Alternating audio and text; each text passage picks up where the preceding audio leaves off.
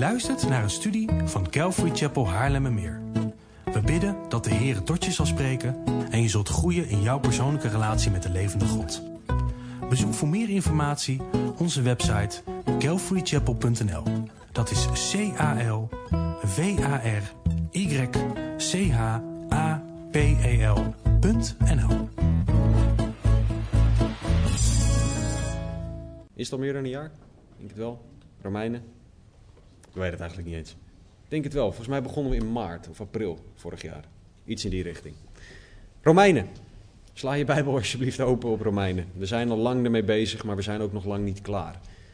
Want God wil ons nog veel meer dingen leren door dit prachtige Bijbelboek heen. We mogen namelijk door Romeinen heen leren over rechtvaardiging, oftewel recht voor God kunnen staan.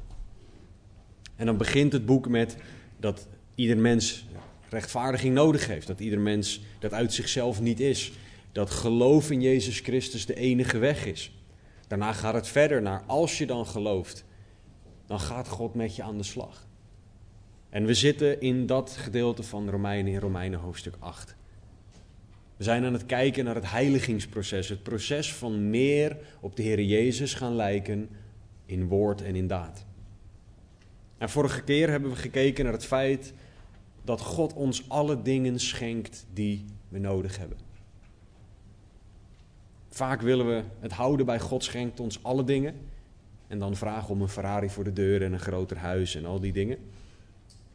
Maar we hebben gezien dat God hele specifieke dingen aan ons geeft. Namelijk de dingen die we echt nodig hebben. Bijvoorbeeld dat Hij degene is die rechtvaardigt. Hebben we gezien in vers 33. En dat we daarom niet beschuldigd kunnen worden. Want Jezus is voor onze zonde gestorven en opgestaan. In vers 34 van Romeinen 8 hebben we gezien dat er geen verdoemenis meer is. Want Jezus Christus is voor onze zonde gestorven en opgestaan. En in vers 35 hebben we gezien dat niks ons zou kunnen scheiden van de liefde van Christus. Het zijn prachtige dingen die God ons schenkt en dingen die we ook echt ontzettend hard nodig hebben. Want de vijand Satan wil ons graag aanklagen op deze dingen. Hij wil ons beschuldigen. Hij wil zeggen, je bent nog verdoemd. En hij wil zeggen, ja, maar God houdt niet echt van je. En wij mogen dan terugvallen op wat God zelf zegt. God schenkt ons alle dingen die we nodig hebben. Maar alsof dat nog niet genoeg is, gaat Paulus verder. Hij zegt in vers 36 en 37 het volgende. Romeinen 8, vers 36, 37. Zoals geschreven staat: Omwille van u worden wij de hele dag gedood. Wij worden beschouwd als slachtschapen. Maar in dit alles zijn wij meer dan overwinnaars door Hem die ons heeft liefgehad. Laten we bidden. Heere God, we danken u voor uw woord. We danken u dat u goed bent en dat uw woord goed is. We danken u dat u het woord gegeven hebt en dat we het mogen leren begrijpen. Heilige Geest, dank u wel dat u degene bent die het woord kan, zal en wil uitleggen. En dat is ook waar we om vragen. Heilige Geest, spreek alstublieft. Tot al onze harten, want we hebben het nodig om van u te horen. Heren, we bidden en we vragen dat u onze harten zal aanraken en veranderen. Laat er niks van mij bij zitten, maar alleen maar uw woorden van leven. En heren, we vragen dat in Jezus' naam. Amen.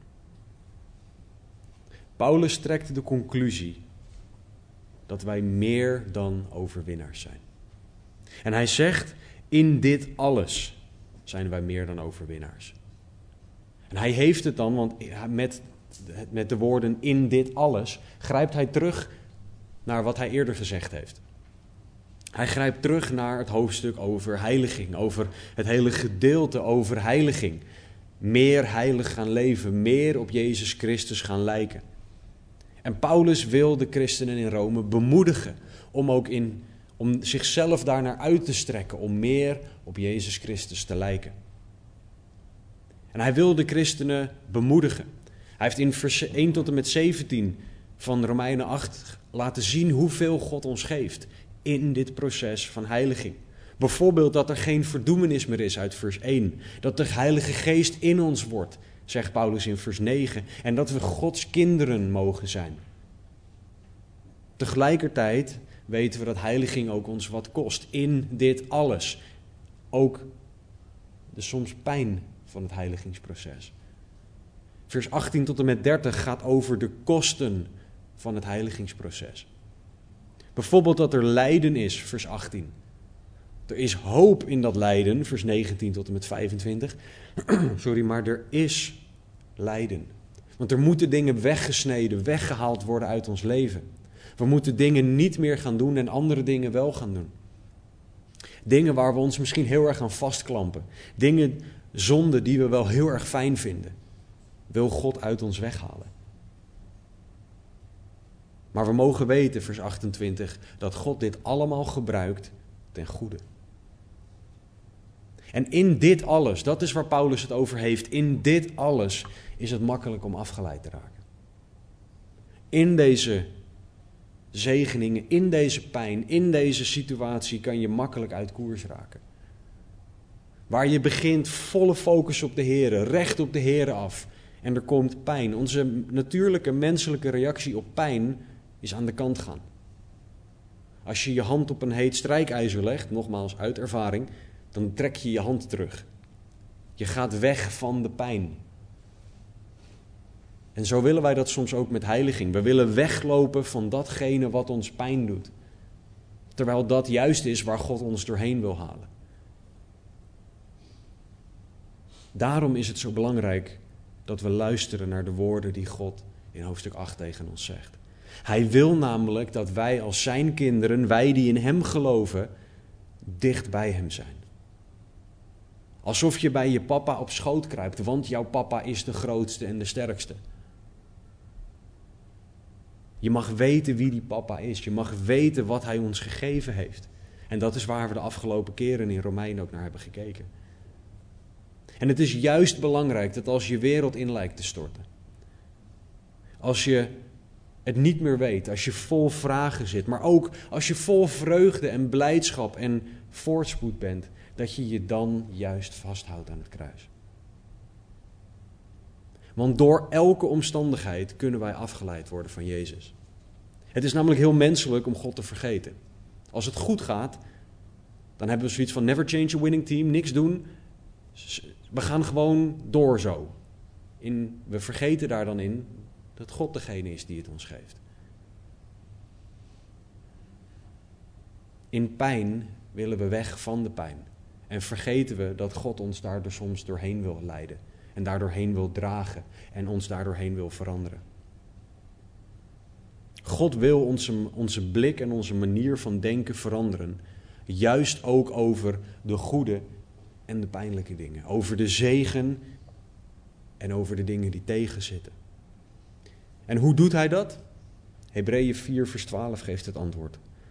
Hebreeën 4:12 Het woord van God is levend en krachtig en scherper dan enig tweesnijdend zwaard en het dringt door tot op de scheiding van ziel en geest, van gewricht en merg en hier komt het en het oordeelt de overleggingen en gedachten van het hart. In de zegen, in de pijn hebben jij en ik, hebben u en ik het nodig dat wij niet zelf onze eigen gedachten gaan zitten beoordelen. Dat we ons eigen hart gaan zitten beoordelen. Maar hebben we het nodig dat Gods woord de lat is voor ons hart. Want ik vind altijd een reden om iets goed te praten in mij. Want het ligt aan, of het komt door, of je weet niet wat, of je begrijpt het niet. En God zegt, ja maar dat weet ik. Maar toch is dit te lat. En niet om vervelend te zijn, maar omdat ik van je hou. Dat is hoe God werkt. Alleen de Bijbel kan toetsen of jouw denken en jouw daden naar Gods wil zijn. Ja, maar zo ben ik opgevoed. Ja, maar wat zegt de Bijbel? Ja, maar dit heb ik meegekregen van. Ik zie dat in het voorbeeld van. Of deze christen doet ook. Nee, wat zegt het woord? Paulus zegt: Volg mij na zoals ik Christus navolg. Dus als Paulus iets deed, en Paulus was ook een zondaar, dus hij deed zondige dingen. Waar Paulus zondigde, wilde hij niet dat mensen hem navolgden. Zo horen wij ook te zijn. Juist in heiliging, juist in de zegen en de pijn, moeten wij ons hart toetsen aan het woord van God. En we kunnen nooit tot de conclusie komen, ah, dat weet ik wel. De haan komt nou eens met iets nieuws. Nou, in Jeremia staat dat we de oude, de oude paden moeten bewandelen. Oftewel, we moeten continu terugkomen bij dit. Als iemand jou iets anders mee wil geven, een soort motivatiepraatje, dat is altijd minder dan het woord van God. Alles dat gezegd wordt dat niet het woord van God is, is minder dan wat jij echt nodig hebt. We moeten oppassen dat we niet verzanden in onze eigen pijn, in onze eigen vragen, moeite en verdriet, of juist ook verzanden in onze vreugde en blijdschap. Dat dat is waar we ons aan vasthouden in plaats van aan God. En Paulus wil door Romeinen 8 heen dat wij, net zoals Jezus, volledig gaan vertrouwen op God en op zijn woord. Dat wij, net zoals Jezus, gaan leren om rechtvaardig te leven, of eigenlijk leren om het voorbeeld van Jezus te volgen, door te leven uit genade. En het proces van heiliging is voor de duidelijkheid niet iets waar je heel hard voor werkt. In de wereld is het zo, uh, er zijn een aantal um, bekende mensen, bijvoorbeeld uh, Dwayne The Rock Johnson. Ik weet niet of die naam iets zegt, maar dat is een acteur. Um, hij zegt dat jij, als je iets wil bereiken in de wereld, ik zal het eerst in het Engels zeggen, daarna vertalen, be the hardest worker in the room. Zorg dat jij degene bent in de kamer die het hardste werkt, dan zal je wat bereiken. Aan de ene kant klinkt dat als goed advies, want het is ook bijvoorbeeld belangrijk om op je werk hard te werken, goed te werken, al die dingen te doen. Maar dat kunnen we niet vertalen naar het christelijk leven. Want dan hangt het er vanaf hoe hard ik kan en wil werken. Alles in ons christelijk leven hoort af te hangen van Jezus Christus. God is degene die ons snoeit. Ja, wij moeten ons beschikbaar stellen. Heer, doe het werk in mij. Maar als ik het moet gaan doen, ga ik de lat bepalen. En ga ik bepalen hoe het moet gebeuren. In de plaats van dat God alles bepaalt. Paulus zegt in Filippenzen 2, vers 12 en 13: Daarom, mijn geliefden, zoals u altijd gehoorzaam geweest bent, niet alleen zoals in mijn aanwezigheid, maar nu veel meer in mijn afwezigheid, werk aan uw eigen zaligheid met vrees en beven want het is God die in u werkt, zowel het willen als het werken naar zijn welbehagen. Voor de duidelijkheid, wat Paulus hier niet zegt is: werk om gered te worden. Want dan zou Paulus de rest van de Bijbel tegenspreken. Wat hij zegt is: jij bent gered, laat dat zien in je werken. Jij bent gered, zorg dat dat ook zichtbaar wordt in jouw doen en in jouw laten. Geef ook dat over aan de Heer, zodat de Heer jouw daden kan leiden. En Gods genade, de genade waardoor wij gered zijn, de genade die ons aan het heilige is, die hoort zichtbaar te worden in onze daden.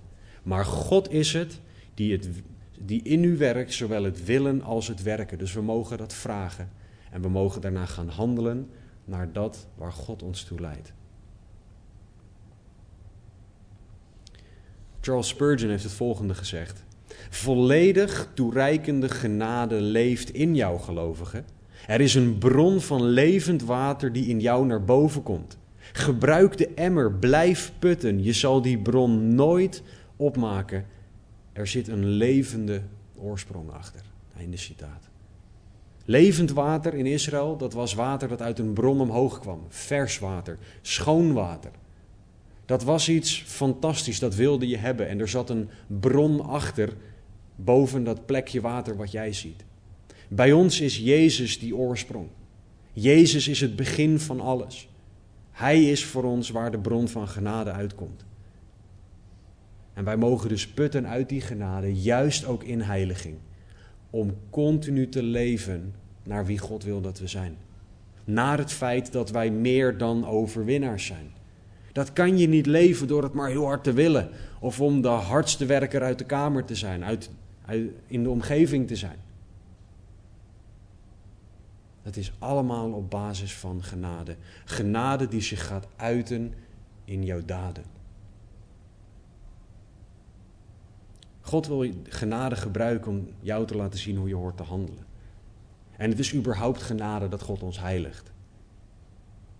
En wij mogen dus keuzes leren maken door genade, gedreven door genade. Uit Efeze 2 weten we dat genade is wat ons redt. Uit genade bent u zalig geworden. Efeze 2, vers 8.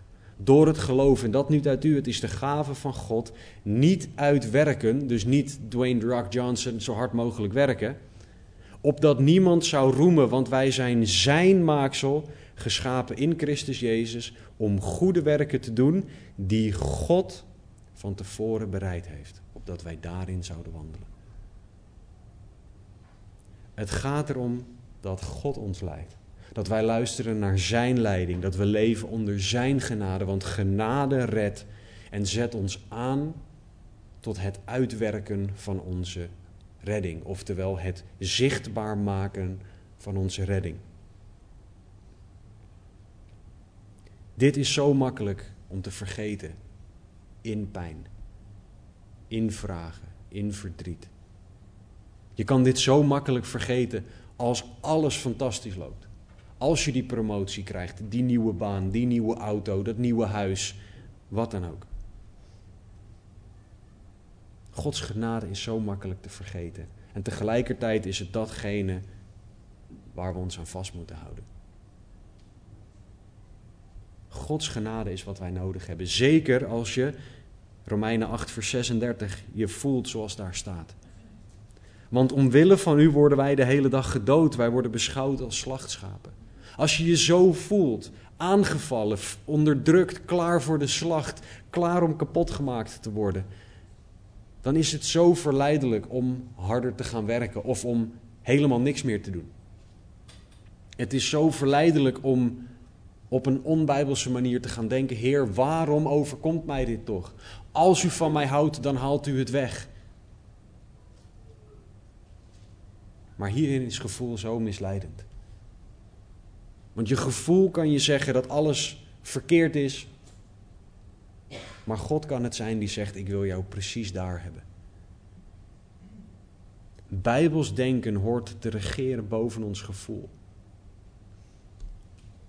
Vooral als ons gevoel niet matcht met de Bijbel. Voor de duidelijkheid, gevoel heeft een hele belangrijke plek in ons leven. Want wij zijn mensen met emoties. God heeft ons emoties gegeven. Het is niet zo dat we emotieloze wezens moeten worden. Want we zien God lachen, we zien God huilen, we zien God boos worden. We zien allerlei verschillende emoties van God door het woord heen. Dus wij mogen ook emoties hebben.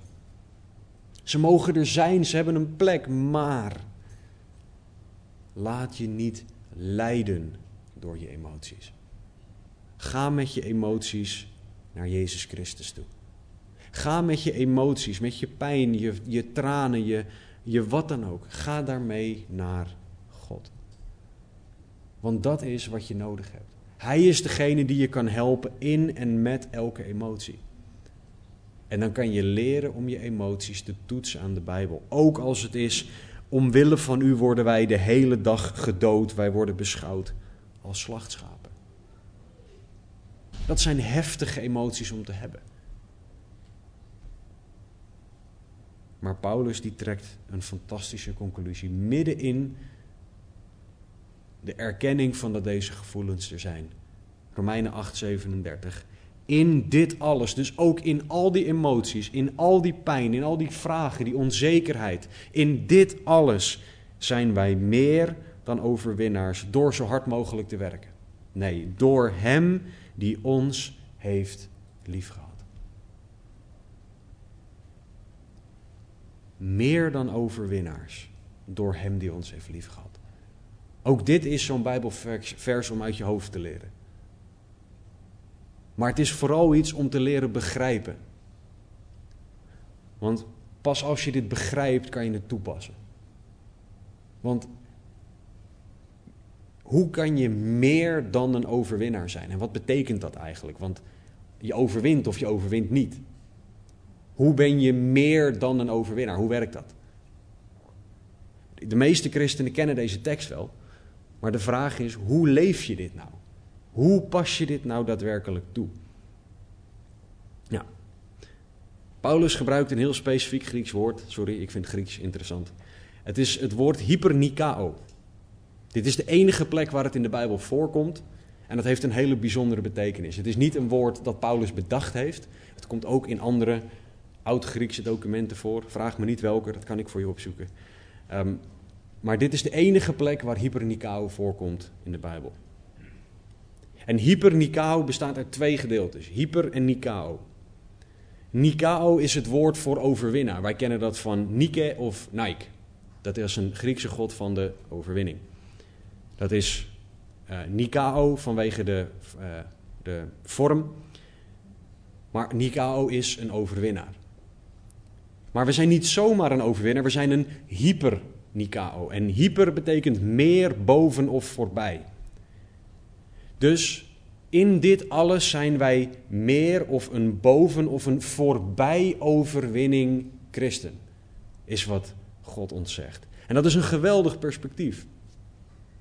Maar dat betekent nog niet dat we begrijpen wat het betekent. Want ik heb jullie nu alleen de technische definitie van de woorden gegeven.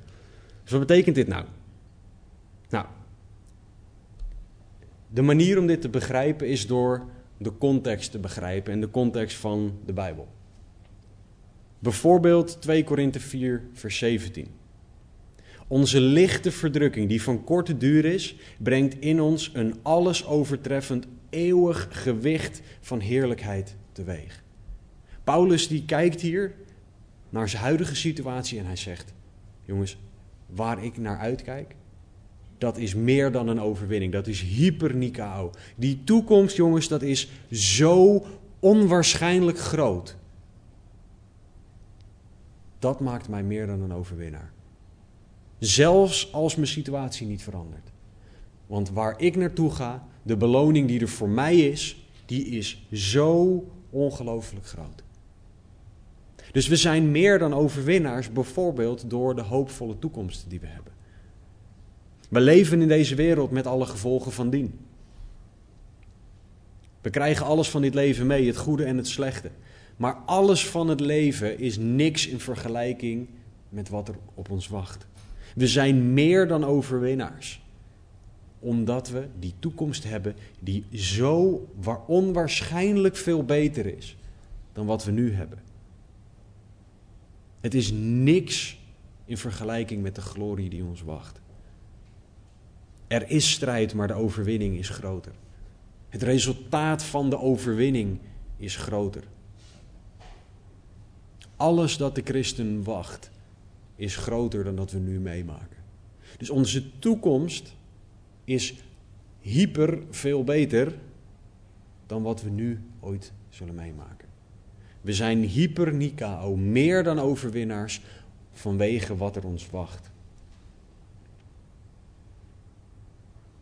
We zijn ook meer dan overwinnaars omdat we hebben een geweldige toekomst, maar ook omdat we meer dan overwinnaars zijn doordat we iets verliezen. En dat klinkt heel raar, maar ik ga het uitleggen. Filippenzen 3:8. Ja, beslist, zegt Paulus. Ik beschouw ook alles als schade vanwege de voortreffelijkheid van de kennis van Christus Jezus, mijn Heer.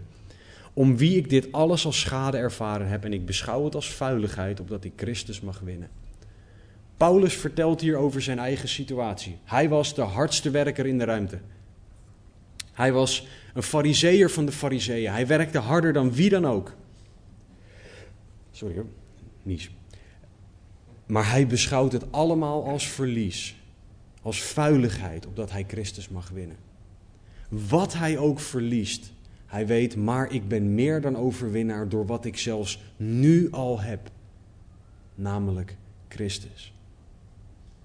Als er overwinning is, is er strijd. En als er strijd is, is er altijd verlies. Maar wat wij ook verliezen in dit leven, het is altijd minder met wat we zelfs nu al hebben.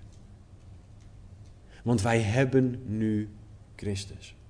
Wij hebben nu Gods genade. Wij hebben nu al eeuwig leven, namelijk het kunnen kennen van God. Misschien verlies je een relatie door je geloof in Jezus Christus. Misschien verlies je een baan, verlies je een situatie, verlies je en vul dat maar in. Maar het is niks vergeleken met wat we winnen door onze relatie met Jezus. Niks wat we in dit leven kunnen verliezen is te vergelijken met wat we winnen. We zijn hyper Nikao, zelfs als we voor iets verliezen, omdat Christus zoveel groter is. Alles dat je kan verliezen is minder dan Jezus. En dit is iets waar je, aan, waar je je aan vast mag houden. Dit is iets waar je je naar uit mag strekken. Dit is, zijn een aantal voorbeelden van wat het is om meer dan een overwinnaar te zijn. Ik gebruikte net een stukje christelijk jargon. Ik zeg, je moet je er naar uitstrekken. Dus is dan, moet je dan zo doen? Dat is me uitstrekken. Nou, jezelf ergens naar uitstrekken als een christen is niet rekken en strekken. Is niet je armen omhoog doen en proberen iets te pakken waar je net niet bij kan. Waarom, waarom leg ik dit uit? Nou, omdat we soms als christenen de neiging hebben om in jargon te praten waarvan we geen idee hebben wat het eigenlijk betekent. Of vooral, hoe in hemelsnaam maak je dit praktisch? Dus jezelf ergens naar uitstrekken. Het klopt, het is waar en doe dat alsjeblieft. Maar hoe? Nou, Paulus geeft het antwoord. Hij zegt: In dit alles zijn wij meer dan overwinnaars door Hem die ons heeft liefgehad. Oftewel, als jij meer dan een overwinnaar wil zijn, of eigenlijk daarnaar wil leven, ga naar Jezus. Bid, open zijn woord. Jezus zelf zei in Johannes 16, 33: Deze dingen heb ik tot u gesproken, opdat u in mij vrede zult hebben. In de wereld zult u verdrukking hebben, maar heb goede moed, ik heb de wereld overwonnen. In mij zult u vrede hebben, Johannes 16, 33.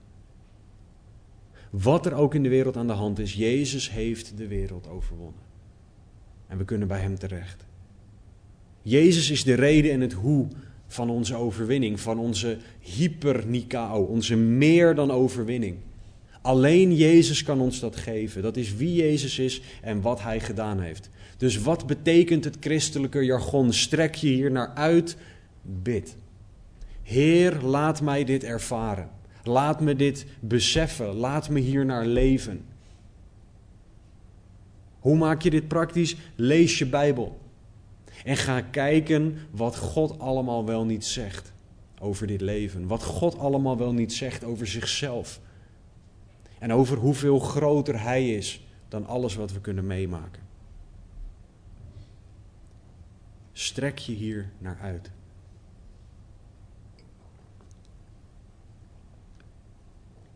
Zoals met alles in Romeinen zien we dat dit puur genade is. Dat het onverdiend is en dat we hier alleen op kunnen bouwen, hier naar kunnen leven, omdat Jezus dit voor ons gedaan heeft. En dit is, vind ik, een geruststelling, want we mogen leven in complete afhankelijkheid. Complete afhankelijkheid van Jezus. Als je het perspectief neemt, be the hardest worker in the room, dan hangt het van mij af. En hoe hard ik werk en hoeveel energie ik heb. Hier hangt het er vanaf dat God is wie Hij zegt te zijn. Je mag rusten in het feit dat God jou gered heeft. Je mag rusten in het feit dat je zijn kind bent als je in Hem gelooft. Bijbelcommentator Warren Wiersbe heeft gezegd over meer dan overwinnaars. Hij zegt het volgende: We zijn meer dan overwinnaars. Letterlijk, we zijn superoverwinnaars door Jezus Christus. Hij geeft ons de zegen en meer zegen. We hoeven het leven en de dood niet te vrezen. Dingen van nu of de toekomst, want Jezus Christus houdt van ons en geeft ons de overwinning. Dit is geen belofte met voorwaarden. Als jij dit doet, zal God dat doen. Deze zekerheid in Christus is een vastgesteld feit. En we claimen het voor onszelf omdat we in Christus zijn. Niets kan ons scheiden van Zijn liefde. Geloof dat en verheug je daarin. Einde citaat. Wanneer Warren Wiersbe het heeft over claimen, heeft hij het niet over name it en claim it. Hij heeft het niet over claim een mooie auto van de heren, omdat je dat wil hebben en dan zou je het krijgen. Hij heeft het over hou je vast aan het feit dat de Bijbel dit zegt. Geloof dit, christen, dat jij meer dan overwinnaar bent door Hem. Maar als er overwinning is, dan is er ook iets overwonnen. De vraag is dan, wat is er overwonnen? Want dat bepaalt bijvoorbeeld of het een grote overwinning is of maar een kleintje. Nou, een aantal antwoorden. Heeft, ik kan ook niet alle antwoorden geven hierop, want dan zou een aantal studies op zich zijn. Maar een aantal voorbeelden van wat Jezus overwonnen heeft. Jezus overwon de zonde is de eerste 1 Korinthe 6 vers 10 en 11. Dwaal niet. Ontuchtplegers, afgodendienaars, overspelers, schandknapen, mannen die met mannen slapen, dieven, hebzuchtigen, dronkaards, lasteraars en rovers zullen het koninkrijk van God niet beërven. En hier komt het. Sommigen van u zijn dat wel geweest, maar u bent schoongewassen, u bent geheiligd, u bent gerechtvaardigd in de naam van de Heere Jezus en door de geest van onze God. Sommigen van u zijn dat wel geweest. Het verleden, het, het was. Maar u bent schoongewassen, gerechtvaardigd, geheiligd in de naam van de Heere Jezus. Jezus overwon de zonde. Deze lijst met zonden staan voor het verleden van de christen. Als christen ben jij nu schoongewassen. Je bent geheiligd. Je bent gerechtvaardigd. En dat is wat Jezus voor jou aan het kruis bewerkt heeft. Dat is waar jij op mag bouwen, op mag staan voor eeuwig. Dat is wat Paulus zegt dat we krijgen. Dus de vraag is niet of je het hebt, de vraag is of je er naar leeft. Jezus overwon de zonde. Als tweede, Jezus overwon de dood. 1 Korinthe 15, vers 55 tot en met 57. Dood, waar is uw prikkel? Graf, waar is uw overwinning? De prikkel nu van de dood is de zonde en de kracht van de zonde is de, wet, is de wet. Sorry. Maar God zij dank die ons de overwinning geeft door onze Heere Jezus Christus. Door Jezus werk aan het kruis, door zijn dood en zijn opstanding, is de dood overwonnen. 1 Korinthe 15, vers 55 tot en met 57. Zo'n belangrijk stuk. Jezus overwon de dood. En dat betekent dat ieder die in Hem gelooft nu eeuwig leven mag hebben. En een weg naar leven heeft ontvangen. Dit is een fantastische en geweldige zegen. De dood regeert niet meer over de christen. Misschien ga je nog dood, je lichaam, maar voor eeuwig zal je bij God zijn. Want Jezus heeft de dood overwonnen. De derde is dat Jezus onze gevangenschap overwon. 1 Petrus 1, vers 18 en 19. In de wetenschap dat u niet met onvergankelijke dingen, zilver of goud vrijgekocht bent van uw zinloze levenswandel, die u door de vaderen overgeleverd is, maar met het kostbaar bloed van Christus, als van een smetteloos en onbevlekt lam. We zijn vrijgekocht van onze zinloze levenswandel. Jezus heeft onze gevangenschap overwonnen. We zijn vrijgemaakt. Vrij van de zonde van de wereld van Satan. Vrij van ons vlees. Die dingen hielden ons in, in ons, hielden ons in hun greep, maar nu zijn wij vrij. En Jezus betaalde daarvoor de prijs met zijn leven.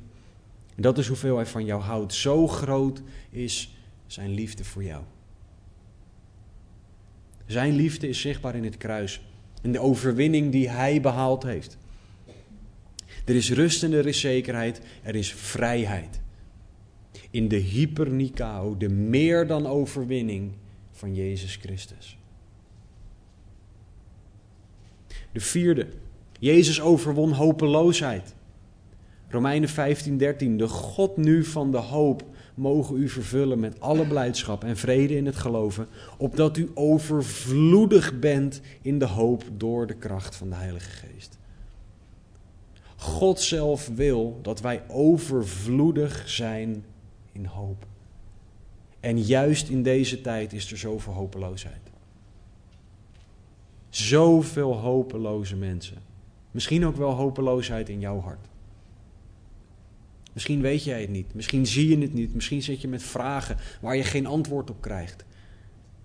De God nu van de hoop mogen u vervullen met alle blijdschap en vrede in het geloven, opdat u overvloedig bent in de hoop. Dat is wat God voor de christen heeft. Jezus heeft de weg geopend, zodat jij en ik met onze vragen, met onze twijfels en met onze pijn naar God toe kunnen gaan. Dat we ze bij God kunnen neerleggen. God staat je dan niet aan te kijken van, wat, wat moet je nou met die vragen van je? Nee, God wil aan de slag gaan met je vragen. Hij wil je vragen beantwoorden. Hij wil je twijfels en je pijn wil hij wegnemen. Misschien niet altijd met het antwoord dat je wil of op de manier die je wil, maar hij gaat je wel hier doorheen leiden, doorheen leiden en helpen. Want hij is de God van de hoop. Juist ook in deze soms hopeloos ogende tijden. Jezus overwon de hopeloosheid. En als vijfde en laatste, Jezus overwon de toekomst. Openbaring 21:4 God zal alle tranen van hun ogen afwissen en de dood zal er niet meer zijn, ook geen rouw, jammerklacht of moeite zal er meer zijn, want de eerste dingen zijn voorbij gegaan. Wat jouw beeld van de toekomst ook is, Gods beeld is groter. Misschien weet je niet wat de toekomst brengt. Misschien ben je bang of onzeker door de toekomst. Omdat je het niet weet. Omdat er geen zekerheid is. Omdat je het niet meer ziet zitten. Jezus heeft ons een geweldige toekomst gegeven. Een geweldige, eeuwige toekomst. Zonder tranen, zonder dood, rouw, jammerklacht of moeite. Dat is de toekomst die we hebben. Dat is waarvoor Jezus overwon. Dat is waar je naar uit mag kijken. Dat is wat je mag zien. En dat is waar je naar mag leven. Naar jouw toekomstperspectief in de hemel. Dat is waar ons perspectief hoort te zijn. We zijn meer dan overwinnaars door wat Jezus mogelijk heeft gemaakt. Jezus overwon de zonde. Hij overwon de dood. Hij overwon gevangenschap, hopeloosheid en elke vorm van toekomst die minder is dan wat Hij voor ons heeft. We mogen leven naar wat Jezus voor ons bereikt heeft. We mogen leven naar wie Hij is. We mogen gaan leven naar het feit dat dit van ons is. En dat betekent niet dat alle moeite weg is. Het is niet zo dat als je hier pas echt goed naar gaat leven, dat je dan nooit meer pijn, moeite en verdriet op deze aarde hebt. Maar wat je wel mag weten, is dat in elke situatie Jezus bij je is. En dat dit het perspectief is dat je mag hebben. Het verandert jouw blik in de situatie zonder dat het per se de situatie verandert. Want het is vaak veel meer Gods wil dat wij in de situatie veranderen dan dat de situatie verandert. Kijk maar naar de discipelen die door Jezus een storm in werden gestuurd. Ze werden erin gestuurd door God. En die stoere, ervaren vissers, die zoiets hadden van wij kunnen alles wel aan op deze zee, die stonden als kleine meisjes te gillen, omdat ze zo bang waren. Of kleine jongetjes, maar net hoe je het ziet. Kleine meisjes gillen hoger, maar dat... Maar zij mochten leren om in de situatie op God te vertrouwen. In de plaats van op zichzelf te vertrouwen. Wij mogen zien dat wij op Gods werk kunnen vertrouwen voor eeuwig. Jij mag leren vasthouden aan Gods woord. Je leren vasthouden aan wat Jezus voor jou gedaan heeft. En dit is zo'n ongelofelijke blijk van Gods liefde. Want het is niet zo dat God zegt, nou, als jij je voelt zoals Romeinen 8, vers 36, omwille van u worden wij de hele dag gedood, worden beschouwd als slachtschapen. Nou, hou dan maar op. Blijf dan maar lekker thuis. Dan hoeft het voor mij niet meer. Zo is God niet. Gods liefde is zo onwaarschijnlijk groot. Is zo fantastisch dat wij daardoor meer dan overwinnaars kunnen zijn. Door zijn liefde. En die liefde die is zichtbaar en dichtbij gekomen in de Heer Jezus. Dat is de meest zichtbare uiting van Gods liefde die je ooit zou kunnen krijgen. Ja, maar waarom laat God niet zien dat hij van me houdt? Hallo, lees de Bijbel. Want in de Bijbel wordt omschreven hoeveel God van jou houdt. Ultiem door de Heer Jezus, die voor jouw zonden en die van mij gestorven en opgestaan is. Daardoor zijn wij meer dan overwinnaars. Daardoor mogen we zien dat we geliefd zijn. Ongeacht wat mensen zeggen. Misschien heb jij je hele leven gehoord dat je niet geliefd bent. Misschien vertelt niemand ooit tegen je nu dat je geliefd bent. Misschien heb je het idee dat niemand naar je omkijkt. God houdt van jou. God ziet jou. Daar mag je je aan vasthouden. En deze liefde is er voor ieder mens. Deze liefde is er voor de mensen die nu al wel in Jezus geloven en de mensen die nu nog niet in Jezus geloven. Allemaal mogen ze deze liefde ontvangen. Dus jij, wie je ook bent, wat je situatie ook is, jij mag deze liefde ontvangen. Jezus kwam omdat hij van je houdt. Jezus stierf omdat hij van je houdt aan het kruis. Jezus stond op uit de dood omdat hij van je houdt. En Jezus ging terug naar de hemel voor jou omdat hij van jou houdt. Dus accepteer zijn liefde.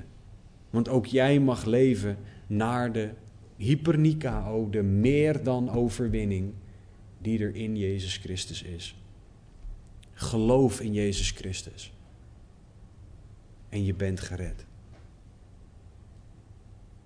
Christen, de Bijbel zegt: wij zijn meer dan overwinnaars door Hem die ons heeft liefgehad. In dit alles. In dit alles zijn wij meer dan overwinnaars door Hem die ons heeft liefgehad. Prent dat in je gedachten. Leer dat uit je hoofd. Want er staat niet in dit alles, behalve in jouw situatie, ben jij meer dan overwinnaar. Om even de interpunctie goed te hebben natuurlijk. Je bent meer dan overwinnaar als christen. Leef daarnaar. Vraag God om je dit te doen beseffen elke dag meer. Elke dag meer beseffend wat Jezus voor jou gedaan heeft en wat dat voor jou betekent. Want dat is wat jij mag beseffen, dat is waar je naar mag leven. Christen, oordeelt Gods woord jouw hart en jouw gedachten? Of bepaal jij de standaard waar jij naar leeft? Bepaalt jouw verleden, jouw opvoeding, jouw, wat je om je heen ziet, hoe jij doet? Of bepaalt Gods woord jouw standaard? Christen, leef jij op basis van Gods genade of ben jij degene die het hardste werkt in elke ruimte? Is het Gods genade of is het jouw eigen werken? Christen, besef jij dat je meer dan overwinnaar bent vanwege de hoopvolle toekomst die er voor je is. En omdat die overwinning zoveel groter is dan alles wat je maar zou kunnen verliezen op aarde? En christen, besef jij je dat Jezus zonde, dood, gevangenschap, hopeloosheid en elke vorm van toekomst overwon? En dat dat is waar jij naar mag leven? Christen, leef jij naar wat Jezus voor jou gedaan heeft? Of leef jij op basis van iets anders? Laten we bidden. Hemelse Vader, we danken u. Heer Jezus, we danken u. Heilige Geest, we danken u dat u ons hoop geeft. Heer Jezus, we danken u dat we in u meer dan overwinnaars zijn. We danken u dat we in u zoveel meer overwinning hebben dan dat we überhaupt beseffen. En Heer, vergeef ons dan waar we het zelf proberen. Waar we de hardste werker uit de ruimte willen zijn in de plaats van leven vanuit genade. Heer, spreek alstublieft. Laat ons alstublieft zien waar wij eigen standaarden hebben. Waar we leven op basis van eigen kunnen. Waar we niet leven naar de overwinning die u voor ons behaald hebt. Heer, doe wonderen alstublieft. Laat mensen zien hoeveel u van hen houdt. Breng mensen tot geloof op dit moment. Heer, want er wacht zoiets vreselijks. Na de dood zonder u. Maar Heer, er is zoveel moois. Nu in dit leven al. Op basis van geloof in u. Heer, spreek tot een ieder. En doe wat een ieder nodig heeft. Heer, want u alleen bent God. Dank u wel dat we meer dan overwinnaars zijn. Leid in ieder alstublieft om daar ook naar te leven. Heer, we vragen dat in uw naam, in Jezus' naam. Amen. 2 Korinthe 5, 17. Daarom als iemand in Christus is, is hij een nieuwe schepping, of zij. Het oude is voorbij gegaan. Zie, alles is nieuw geworden. Dat is hoe wij mogen leven. Alles is nieuw. Meer dan overwinnaars. Door Hem die ons heeft liefgehad. Het aanbiddingsteam zal ons leiden in een aantal liederen. Voor een ieder die gebed wil, want een ieder heeft gebed nodig. Voor ieder die gebed wil, zullen er een aantal mensen aan de randen van de zaal gaan staan. Zullen een keycord om hebben en dan kan je met een van hen bidden. Doe dat als jij gebed wil.